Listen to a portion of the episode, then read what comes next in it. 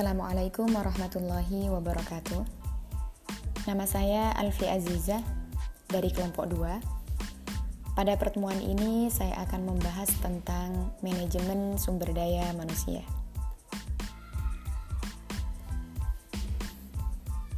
Pengertian manajemen sumber daya manusia yaitu merupakan bidang strategis dari organisasi.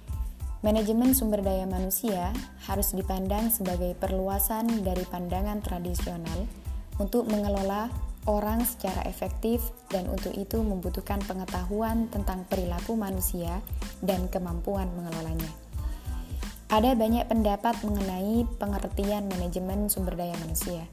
Akan tetapi, dalam hal ini mungkin yang lebih tepat yaitu sebagai human resource.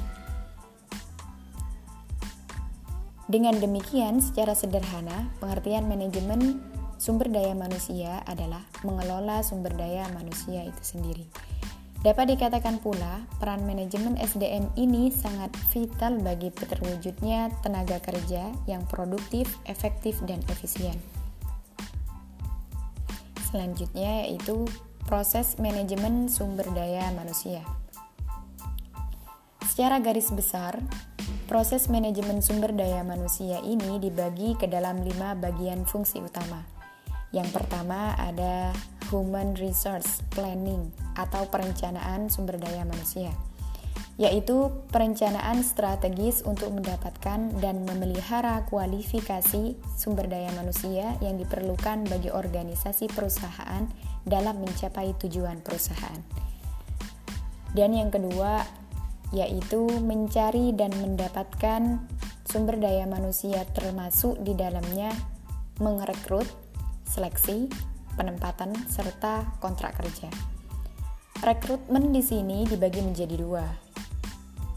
Pertama yaitu rekrutmen internal, yaitu proses untuk mendapatkan tenaga kerja atau SDM yang dibutuhkan dengan mempertimbangkan tenaga kerja yang sudah ada atau yang sudah dimiliki oleh perusahaan. Sedangkan rekrutmen eksternal yaitu perusahaan mendapatkan tenaga kerja atau sumber daya manusia yang akan ditempatkan pada suatu jabatan tertentu yang diperolehnya dari luar perusahaan.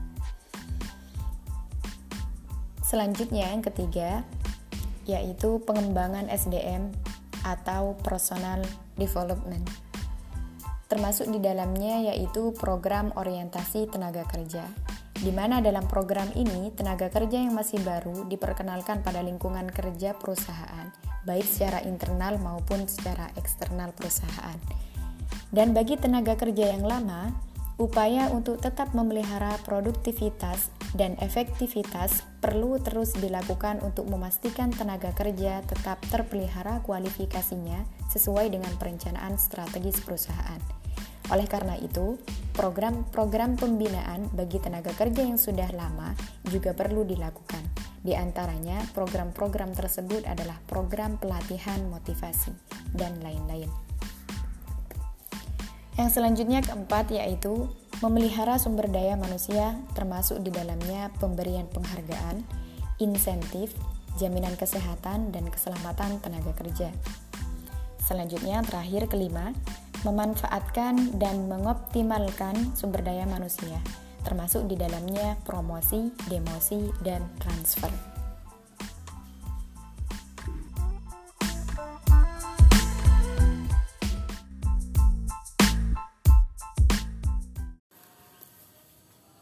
Mungkin cukup sekian presentasi kali ini. Kurang lebihnya saya mohon maaf. Wassalamualaikum warahmatullahi wabarakatuh.